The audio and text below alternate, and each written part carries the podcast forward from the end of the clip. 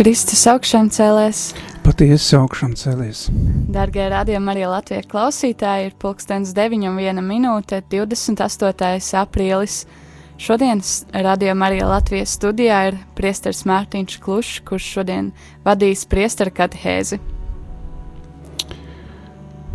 Lai slavēts Jēzus Kristus, labrīt visiem radījuma arī klausītājiem. Šodien šajā katehēzē pievērsīsimies ekoloģijas jautājumai un videi. Un, protams, iesākot šo katehēzi,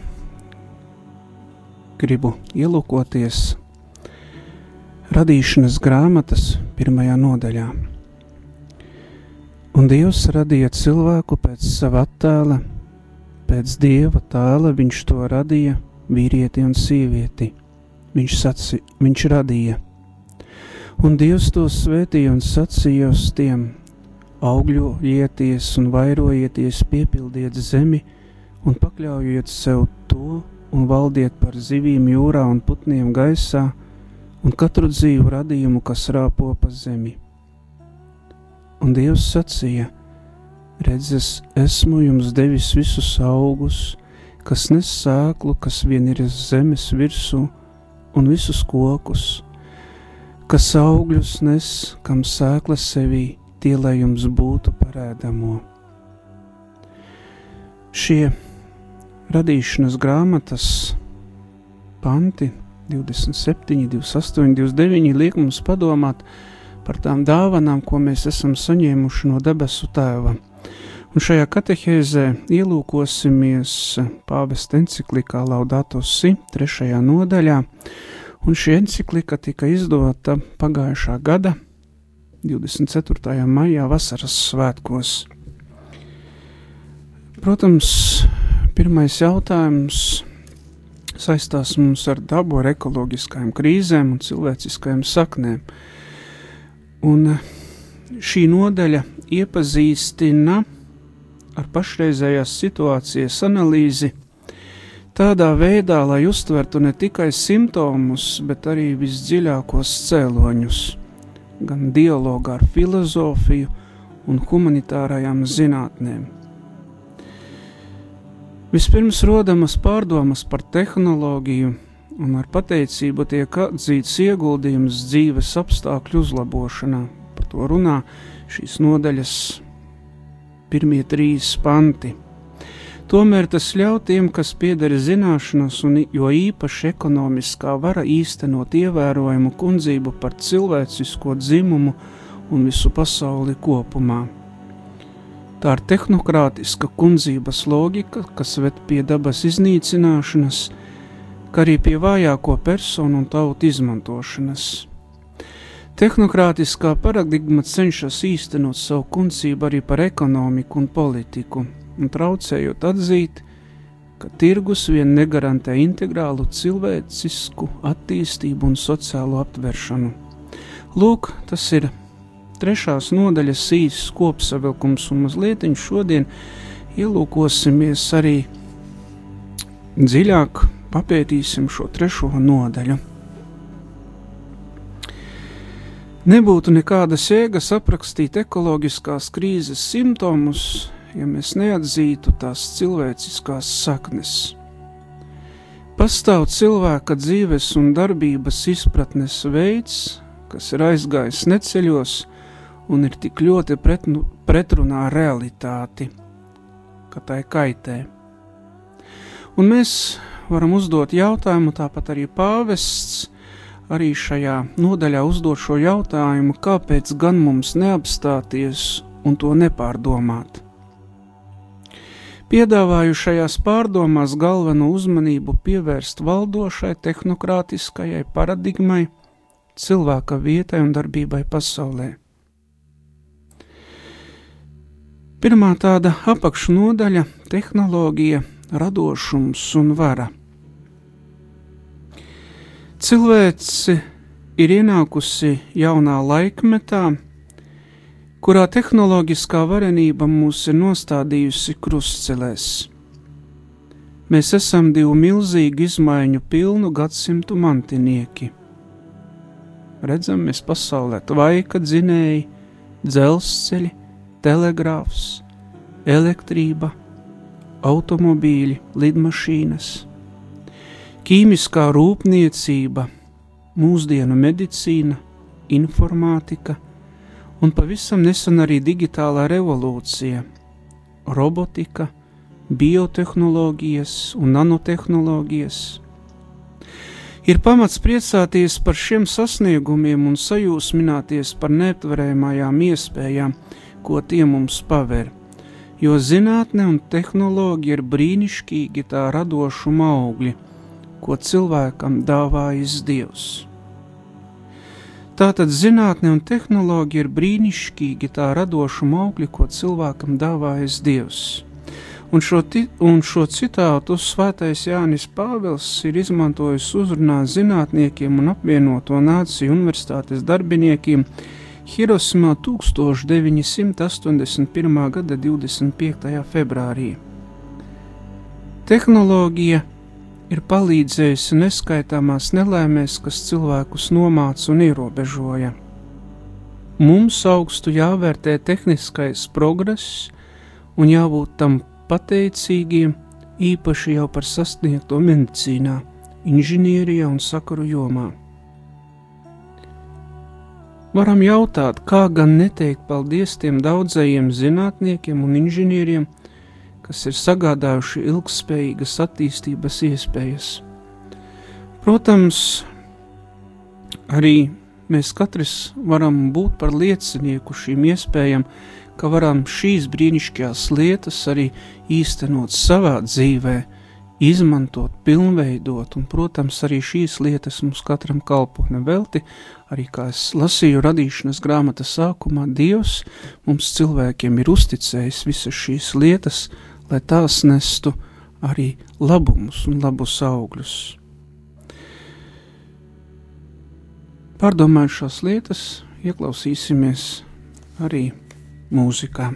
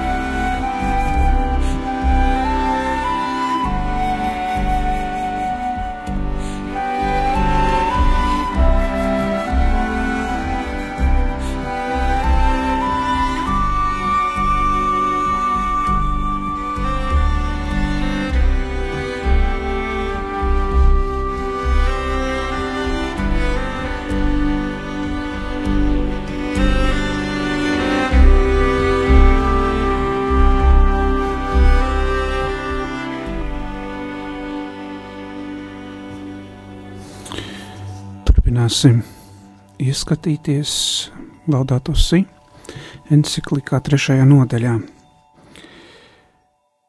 Pareizi ievirzītas tehniskās zinātnes spēja ne tikai radīt līdzekļus cilvēka dzīves kvalitātes uzlabošanai, sākot no derīgām maisaimniecības ierīcēm līdz pat lielām transporta sistēmām, tiltiem, celtnēm un sabiedriskajām telpām – Tās spēja radīt arī skaisto un materiālajā pasaulē iegrimušo cilvēku, pārcelt skaistuma pasaulē. Par šīm lietām mēs visi priecājāmies un apbrīnojam. Vai gan var noliegt lidmašīnas vai atsevišķu debesu skrāpju skaistumu? Izmantojot jaunās tehnoloģijas, ir radīti vērtīgi darbi tēlotāju mākslā un mūzikā Tā gan meistars, kas savu skaistumu meklējumos lieto tehniskos līdzekļus, gan šī skaistuma baudītājs nonāk pie sava veida pilnības, kas ir patiesi cilvēciska. Turpinot ielūkoties šajā encyklikā, mēs varam atrast arī gaužām bēdīgas lietas, arī, kas skar arī visu gadsimtu cilvēkus, pēdējo gadsimtu cilvēkus. Tomēr jāatzīst, ka kodola enerģija, biotehnoloģija, informācijas tehnoloģijas, zināšanas par mūsu ģenētisko kodu un daudzas citas panāktas iespējas sniedz mums neizsakāmi lielu spēku. Precīzāk tās dot iespaidīgu varu pār cilvēci un visu pasauli tiem, kam ir to lietošanai nepieciešamās zināšanas, un vispirms jau ekonomiskie resursi. Nekad vēl cilvēce nav bijusi tāda vara pašai par sevi. Tomēr nav nekādas garantijas, ka šī vara tiks izmantota gudri, it īpaši, ja ņemam vērā to, kas tiek darīts pašlaik. Pietiek atcerēties 20. gadsimta vidū nomestās atombumbas, vai to tehnoloģiju arsenālu, kuras nacisms, komunisms un citu totalitārie režīmi platīdamies izmantoja, lai iznīcinātu miljoniem cilvēku. Tostarp neizmirstot, ka šodien karam pieejami aizvien postošāki ieroči. Pārlasot arī šo, šo pantu, šo 104. pantu no trešās nodaļas, Man nākās, un droši vien arī jums nākās pārdomāt daudzas lietas par cilvēku attiecībām, it sevišķi tautu starpā. Ja nemaldos, pāris nedēļas atpakaļ arī Japānā bija G7 valstu ārlietu ministru sanāksme Japānā. Un uh, pulcējoties visi šie valstu pārstāvji, arī Hirosmā nolika ziedus arī pie pieminiekļa, pie atceras monumenta, kas piemin arī visus bojā gājušos no otrā pasaules kara, kur tika nomesta atombumba. Un žurnālisti tā zīmīgi izteicās par Amerikas Savienoto Valstu ārlietu ministra pārstāvi Džimu Keriju, kas arī tāpat nolika šo vainagu, bet eh, neizteica šos piedošanu vārdus.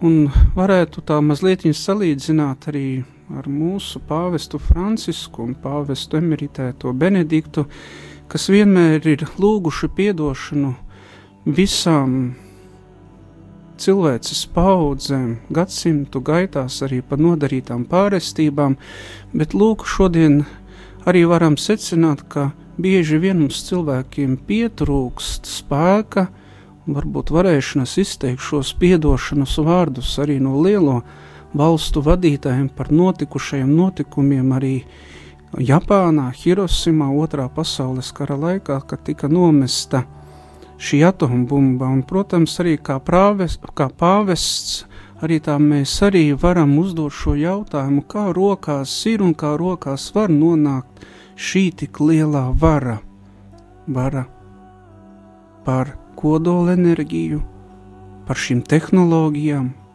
par kara arsenālu. Un tas ir ārkārtīgi bīskami, ka šādā vara ir nelielai daļai cilvēces. Jo mēs zinām, tad mēs visi cilvēki, cilvēci esam aicināti uz piedošanu, uz mieru un uz izlīkšanu. You are the hand that catches my fall. You are the friend that answers my call. You are my day.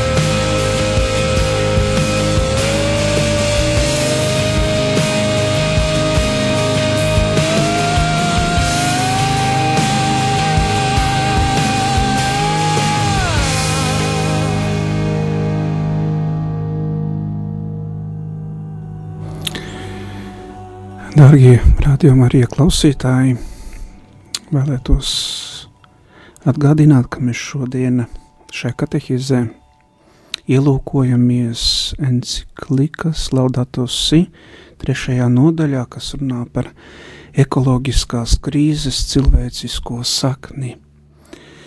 Un dokumenta turpinājumā pāvests Francisks citēja Romano Gvardīnī, citātu no viņa grāmatas Jaunā laika beigas. Cilvēki sliedz ticēt, ka jebkurš spēku un iespēju pieaugums jau pats par sevi nozīmē progresu, lielāku drošību, liederību, labklājību un dzīvotspēju, jaunu vērtību pieņemšanu. It kā tehnoloģijas un ekonomikas varenība spontāni radītu īstenību, labumu un patiesību, fakts ir tāds, ka mūsdienu cilvēks nav sagatavots pienācīgi lietot savu varu. Jo mūsu neaptveramai tehnoloģiskai izaugsmē nav sekojusi cilvēka attīstība, atbildības vērtību un sirdsapziņas jomā.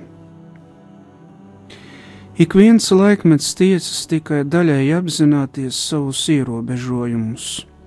Tāpēc pastāv iespēja, ka šodien cilvēce neaptver, cik nopietnas ir problēmas, kuras mums jārisina, un ar vien lielāka kļūst iespēja, ka cilvēks savu varu neizmantos tā, kā to vajadzētu. Jo vara netiek saistīta ar atbildību, kas ierobežotu brīvību, un jāievēro tikai it kā nepieciešamas liederības un drošības prasības. Cilvēks nav pilnīgi neatkarīga būtne. Cilvēka brīvība pagaist, kad tā pakļaujas zemapziņas, mirkļa vajadzību, egoisma un vardarbības saklējiem spēkiem. Šajā ziņā cilvēks savas aizvien pieaugušās varas priekšā ir kails un neaizsargāts, bez iespējām to kontrolēt. Ja arī kādas virspusīgas iespējas, tad varam apgalvot, ka cilvēkam trūks stabilas ētikas, kultūras un garīguma, kas to patiešām ierobežot un saskaņā ar skaidru saprātu mācītu valdīt par sevi. Protams, cilvēks ir atbildīgs par daudzām lietām, arī debesu tēva priekšā. Tāpat arī cilvēks ir atbildīgs par to, ko viņš atstās aiz sevis nākamajām paudzēm. 22. aprīlī apvienoto nāciju organizācijas galvenajā mītnē Ņujorkā 175 pasaules valstis, to starp lielākās vides piesārņotājas Ķīna un ASV parakstīja Parīzes nolīgumu par klimata, klimata pārmaiņām, vairojot cerības, ka sekos straujas rīcības cīņā pret globālo sasilšanu. Un varētu teikt, ka tas ir pirmais solis un atbild arī uz šo pāvesta aicinājumu rūpēt, rūpēties par to, kas mums ir dāvāts, kas cilvēkam ir pieejams viņa dzīvē. Francijas prezidents François Hollands bija pirmais no valstu līderiem, kurš parakstīja vienošanos ceremonijā ANO galvenajā mītnē, un kā nākamie vienošanos parakstījis salu valstu, kuras vissmagāk skārušas klimata pārmaiņas līderi. ASV valsts sekretārs Džons Kerijs uz pasākumu bija ieradies ar savu divus gadus veco mazmeitu Izabelu un izpelnījās aplausus, kad parakstīja vēsturisko vienošanos turpat klēpī, turot klēpī Izabelu. Un varētu teikt, arī tas tāds zīmīgs solis ir, lai parādītu to, ka mēs visi esam saistīti. Vecākā paudze, vidējā, jaunākā ka mēs Dieva apredzību esam ielikti laikā un vietā, lai, vei, lai rūpētos un veidotu mūsu apkārtējo pasauli un, protams, rūpētos par vidi un ekoloģiju. Tā ir visu laiku plašākā starptautiskas vienošanās parakstīšana, kas notika vienas dienas laikā. Un 22. aprīlis, kā mēs zinām, ir Pasaules zemes diena, un ir pirmais solis ceļā uz to, lai valstīm būtu pienākums izpildīt solījumus par siltumnīcas efektu izraisošo gāzu izmešu ierobežošanu. Valstis, kuras pagaidām nav parakstījušas vienošanos, to var izdarīt viena gada laikā. Tomēr tagad galvenā uzmanība tiek pievērsta tam, lai to ratificētu parakstījušās valstis un tā spēkā stātos līdz 2020. gadam. Ja ielūkojamies šajā Parīzes nolīgumā, tad tas stāsies spēkā, kad 55 valstis, kas ir atbildīgas par 55% no pasaules siltumnīcas efektu izraisošo gāzu izmešiem, būs to ratificējušas. Un, kā mēs zinām, vērojam pasaulē, tad Ķīna un ASV, kas ir lielākās piesārņotājas pasaulē, solījušas vienošanos ratificēt jau šogad un aicinājušas citas valstis sekot piemēram, lai vienošanās spēkā stātos šī gada beigās vai nākamgad. Un, protams, mēs katrs esam aicināts lūgties šajā nodomā un rūpēties par apkārtējo vidi, lai vide, tā, kura dzīvo, kurā mēs dzīvojam, arī veido mūsu. Un mēs katrs apbrīnotu Dieva skaisto radīto pasauli. thank you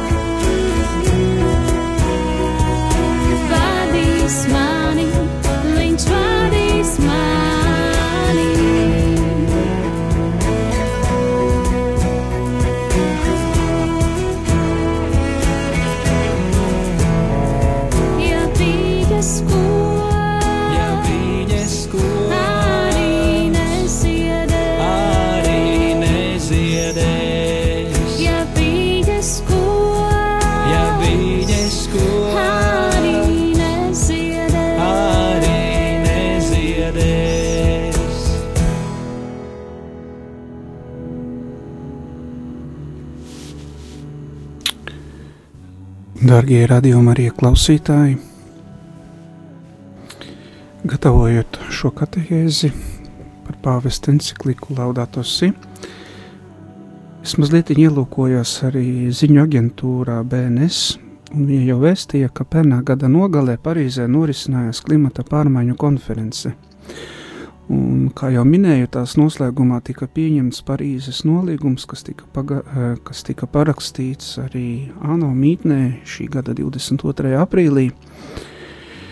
Un eh, tās noslēgumā tika pieņemts tātad arī Parīzes nolīgums, kas ir uzskatāms par līdz šim nozīmīgāko starptautisko vienošanos, uh, lai novērstu klimata pārmaiņas, veicinātu pārēju uz oglekļa maz ietilpīgu un pret klimata pārmaiņām noturīgu attīstību. Un Parīzes nolīgums pēc 2020. gada aizstās Kyoto protokolu. Tātad kāds ir, mazliet ielūkosimies, kāds ir šī Parīzes noilguma mērķis? Mērķis ir stiprināt globālo rīcību, klimata pārmaiņu novēršana, noturēt globālo sasilšanu būtiski zem diviem grādiem pēc Celsija robežām, salīdzinot ar pirms industriālo līmeni un censties ierobežot temperatūras pieaugumu pusotra grāda robežās, jo tas būtiski samazinās klimata pārmaiņu izraisītos riskus un ietekmes un tāpat nolemts uzlabot pielāgošanos klimata pārmaiņu negatīvajām ietekmēm un sekmēm noturīgumu pret klimata pārmaiņām, kā arī sekmēt investīciju novirzi saskaņā ar oglekļa mazietilpīgu pret klimata pārmaiņām noturīgu attīstību. Ja lūkojamies šajā nolīgumā un šajā enciklikā Laudato Si, tad pāvests uzsver, ka pamat problēma – ir cita, ka tā ir vēl dziļāka. Proti, runa ir par veidu, kā cilvēce faktiski ir pieņēmusi tehnoloģijas un to attīstību kopā ar viendabīgu un viendimensiālo paradigmu. Šī paradigma uzsver subjekta jēdzienu, un šis subjekts pakāpeniski, loģiski, racionālā procesijā aptver un tādējādi iegūst varu pār objektu, kas atrodas ārpusē. Šis subjekts eksperimentējot cenšas izstrādāt zinātnisku metodi, kas nepārprotami ir piesavināšanās, kundzības un pārveidošanās paņēmiens. Tas ir tā, it kā subjekta priekšā būtu kaut kas bezveidīgs un absolūti manipulējams. Cilvēka iejaukšanās dabā ir notikusi vienmēr, Tomēr ilgu laiku tā ir bijis raksturīgi pieskaņoties un respektēt pašu lietu sniegtās iespējas. Tika ņemts tas, ko daba pati ļāva, it kā sniedzot roku. Turpretī tagad cilvēks izstiep rokas, cenšoties izspiest no lietām visu iespējamo un tiecoties ignorēt vai aizmirst šo lietu būtību cilvēks un lietas, varētu teikt, mūsdienu pasaulē nonāk konfrontācijā, vai draudzīgi nesniedz viens otram roku. Tāpēc ir arī viegli pieņemt bezgalīgas un neierobežotas izaugsmes ideju, kas tik ļoti aizrāvusi ekonomistus, finansistus un tehnoloģiju ekspertus. Šīs idejas pamatā ir planētas resursu neierobežotas pieejamības ilūzija, kas noved pie to izspiešanas līdz pēdējai iespējai un pat vēl aiz tās. Un tas ir aplamais pieņēmums, ka enerģija un resursi ir neierobežoti, ka tos iespējams ātri atjaunot un ka dabas eksploatācijas negatīvās sekas var viegli novērst. Un Protams, par šīm lietām runā pontificālā padome taisnīgumam un mieram, un to mēs varam atrast arī baznīcas sociālās mācības kompendijā. Šodien arī šīs pārdomas vēlētos arī noslēgt arī ar Svētā Jāņa Pāvila otrā lūkšanu, arī pēc dziesmas, un, protams, arī aicinu jūs iesaistīties arī Tāpat arī šī, veido, šī raidījuma veidošanā varbūt izteikt savu viedokli par vidi, par ekoloģiju, par tām lietām, kas mums ir apkārt, un arī padalīties, kas jums uz, uz sirds būtu. Atgādinu, ka tālruņa numurs īsiņām ir 266, 772, 72. Savukārt, ja vēlaties zvanīt uz studiju, tad tālruņa numurs ir 88, 09. Bet tagad lai skan dziesma.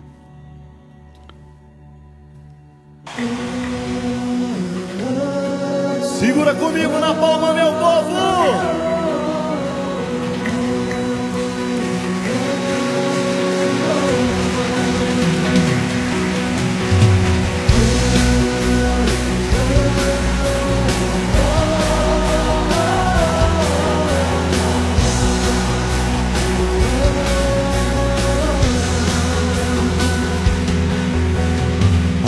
Chuva de graça aqui. Está chovendo sobre todos nós. E quem mais se entregar, mais se molhará. Uma semente para germinar e muitos frutos a se produzir. Na terra do coração, derrama sua graça. Chuva de graça, pedimos a ti. Chuva de graça, derrama em nós. Chuva de graça neste lugar. Derrama. Chuva de graça, pedimos a ti. Chuva de graça, derrama em nós. Chuva de graça neste lugar. Derrama. Assim. Uma chuva de graça aqui está chovendo sobre todos nós. E quem mais se entregar, mais se molhará. Uma semente para germinar e muitos frutos a se produzir na terra do coração. Derrama tua graça tirando o pezinho do chão. Pedimos a ti, chuva de graça, derrama em nós, chuva de graça, neste lugar. Chuva de graça, pedimos a ti, chuva de graça, derrama em nós, chuva de graça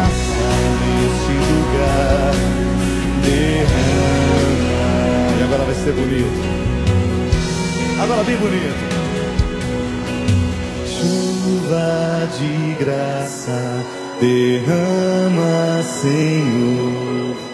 Chuva de graça derrama.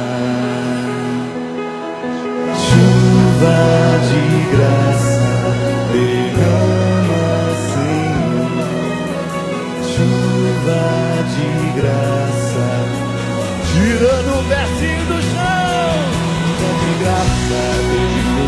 ti. Chuva de graça, derrama em nós. Chuva de graça, neste lugar. Derrama. Chuva de graça, pedimos a ti. Chuva de graça, derrama em nós. Chuva de graça, neste lugar. Derrama. Chuva de graça, pedimos a ti. Chuva de graça, derrama em nós. Chuva de graça neste lugar.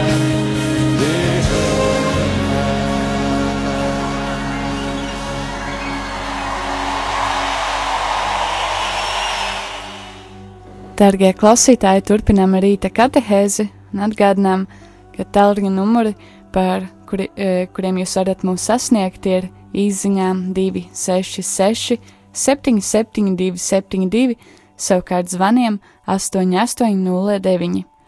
Un esam saņēmuši arī pirmās īziņas, tad pirmais jautājums priesterim ir šāds. Kāpēc baznīca ir tik asi noskaņota gan pret kontracepciju, gan mākslīgo apaugļošanu? Tāpēc, ka baznīca vienmēr pastāv un vienmēr iet kopā ar dabas likumu. Un katrai iejaukšanās cilvēka dzīvē, vai tas ir aborts, vai kontracepcija, vai eitanāzija, ir pret dabas likumu. Un, ja Dievs ir dāvājis dzīvību, tad šo dzīvību vajag sargāt, glābt, kopt un pateikties Dievam. Tāpēc arī vienmēr baznīca iestājas arī pret šīm lietām un aizstāv arī šīs, šīs vērtības. Jā, paldies par atbildi. Nākamais jautājums. Slavēts Jēzus Kristus, ko baznīca domā par mākslīgo intelektu?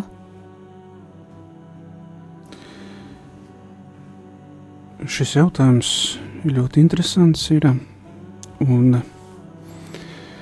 protams, arī ļoti svarīgs ir mūsdienu pasaulē, bet pirmām kārtām baznīca vienmēr izceļ arī cilvēku un pēc tam pārējās dieva radītās lietas.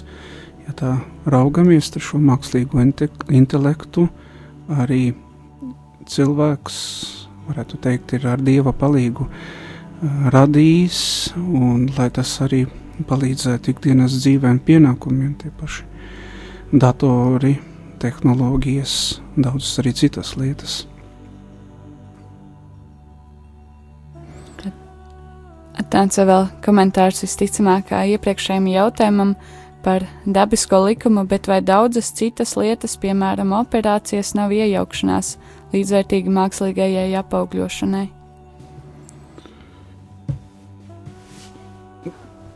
Protams, te varētu runāt par cilvēka cilvēkam doto varu no dieva un cilvēka gudrību. Un, protams, arī tā gudrība arī cilvēkam dāvāta no dieva. Un tās pašas operācijas ir domātas, lai mm, sargātu cilvēka dzīvi, dzīvību un, protams, arī paildzinātu šo cilvēku dzīvi virs zemes, lai viņš spētu arī pateikties Dievam par dāvātām dāvanām un tāpat arī īstenot arī Dieva plānu arī šajā dzīvē, bet, protams, arī tas cilvēka dzīves gājums ir un paliek priekš mums cilvēkiem noslēpums.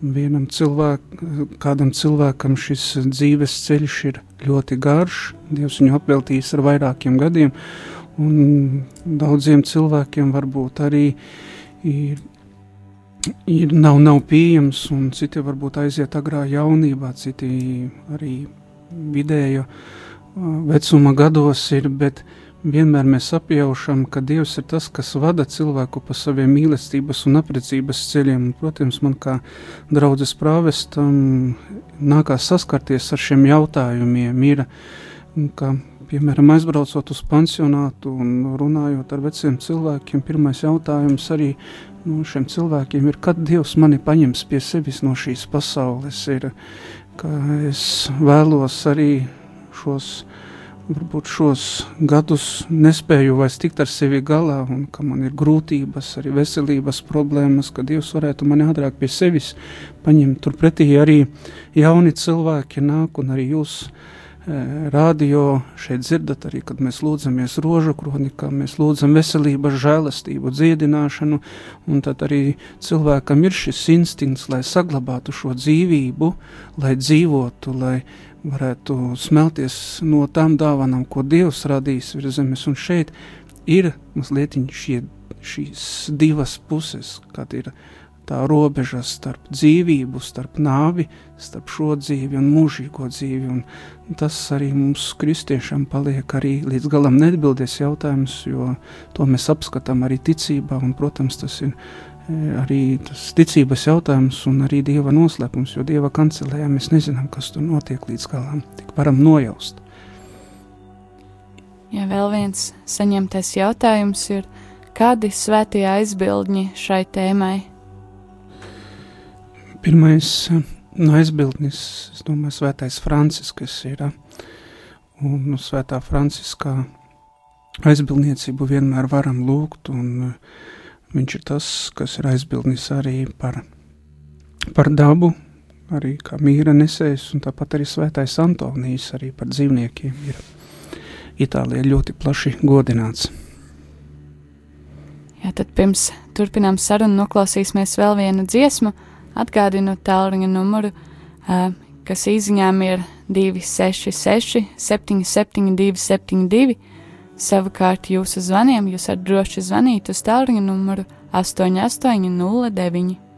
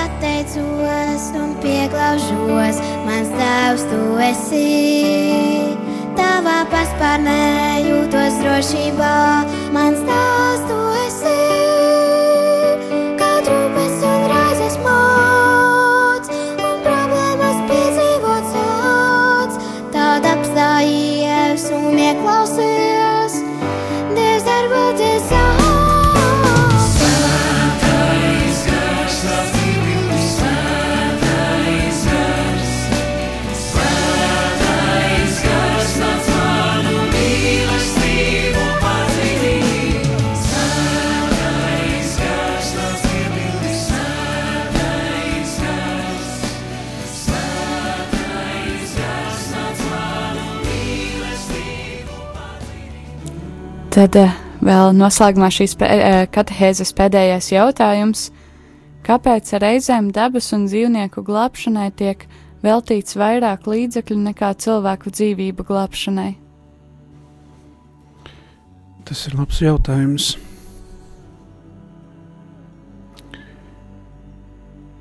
Un varētu godīgi teikt, ka man ļoti grūti atbildēt. Ir, ir ļoti svarīgi ir cilvēka cilvēka attieksme pret tām lietām, ko mums ir radījis Dievs. Un, jā, pirmām kārtām mums jārūpējas par visa Dieva radītajām lietām pasaulē, un pirmām kārtām, protams, mums cilvēkiem jārūpējas par to, kas mums ir blakus, ir par savu tuvāko nevelti. Arī Svētdien baznīcā evangēlijā mēs lasījām, es jums dodu jaunu bausli, lai jūs cits citu mīlētu, kā es jūs esmu mīlējis. Un, protams, pirmā, pirmā vietā tas ir cilvēks, viņa vajadzības, un, protams, tās ir ikdienišķās vajadzības, un tālāk nākamās lietas ir apkārtējā pasaule, tāpat arī dzīvnieki, mājdzīvnieki, meža zvēri Un par tām lietām arī Dievs mums ir devis varu, lai mēs par tām valdītu. Bet bēdīgi ir tad, man kā priesteram laugoties, ka tie cilvēki, kas ir nonākuši grūtībās vai dažādās atkarībās, viņiem ir dota iespēja mainīt sevi, atgriezties, cīnīties ar tām lietām, bet kad tu palīdzi, kad tu dāvā arī tos pašus līdzekļus vai pārtiku vai vai drēbes, vai mantas un daudzas lietas, tad tie cilvēki nenovērtē. Un tad liekas tāda kā vilšanās, ka to, ko esi dāvājis viņiem, iedevis, ielicis, un citu reizi pat tu nesaņem to vārdu, paldies, pateicība par to, ko tu viņiem dari. Un tad bieži vien varbūt citu, no citiem mēs saņēmis tādu nosodījumu, ka gribētu vēl to un to un to, un jums daudzas lietas ir, un man, piemēram, tās lietas nav. Bet arī Jēzus, arī jaunajā derībā, tāpat arī nāk prātā arī tas stāsts arī par Mariju Magdalēnu, kad viņa svaidīja Jēzu un kājas ar smaržīgām smaržvielām, un jūdas arī pārmet, kāpēc šīs zāles nav pārdotas, un šī nauda nav izdalīta nabagiem. Un tad Jēzus saka, es vienmēr es esmu pie jums, bet es vienmēr nebūšu pie jums. Ir. Un tad arī mēs to novērtējam, šīs arī prioritātes, un tās lietas liek par mums daudzām lietām arī padomāt. Arī. Un, protams, arī centīsimies arī tā piedomāt arī, lai mūsu darīto darbi vienmēr nestu labus augļus, un tam cilvēks tiktu iepriecināts. Un, protams, arī žēlstības, žēlsirdības darbs, ko darām, arī mums katram nāktu par labu, un to mēs darītu no sirds un gandarījuma, ne tikai kaut kāda pienākuma apziņas pēc. Arī tas ir tas svarīgākais. Un šodien šo katehēzi vēlētos noslēgt ar mm, Svētā Jāņa Pāvila lūgšanu. Dievs, mēs slavējam Tevi par mīlestību, ko Tu izlai par cilvēci. Tu sūtīji savu dēlu, kas iemiesojas nabadzīgās jaunavas miesā, lai viņš atpestītu šo pasauli. Kristus sirds, lēnprātīgā un pazemīgā no visām sirdīm, atklāj Tavu žēlsirdību. Uzlūkojot viņa vaigu, mēs iepazīstam Tavu labestību, klausoties viņa vārdos, mēs augam gudrībā, Iegrimstot viņas sirds dziļumos, mēs mācāmies būt laipni, maigi un lēnprātīgi. Priecājoties par viņa augšām celšanos, mēs gūstam prieku, kas piepildīs mūžīgās paskas svētkus. Mūžīgais Tēvs, lai Tavs dēls ir patiesībā, kas mūs apgaismo, dzīvības maize, kas atjauno spēku, gaisma, kas apspīd mūsu soļus, ceļš, kas mūs ved pie Tevis tad mēs varēsim apdziedāt tavu žēlsirdību mūžībā, jo Viņš ir Dievs, kas dzīvo un valda mūžīgi mūžos. Amen! Visiem radījuma arī klausītājiem gribu teikt lielu paldies arī par jūsu atbalstu rādio, par jūsu klausīšanos, par līdzdalību, raidījumu veidošanā, par jūsu jautājumiem un gribu vēlēt jauku un dieva žēlastībām piepildītu šo dienu. Lai ir slavēts Kungs Jēzus Kristus. Mūžīgi mūžos slavēts un paldies arī jums par laiku, ko pavadījāt šeit.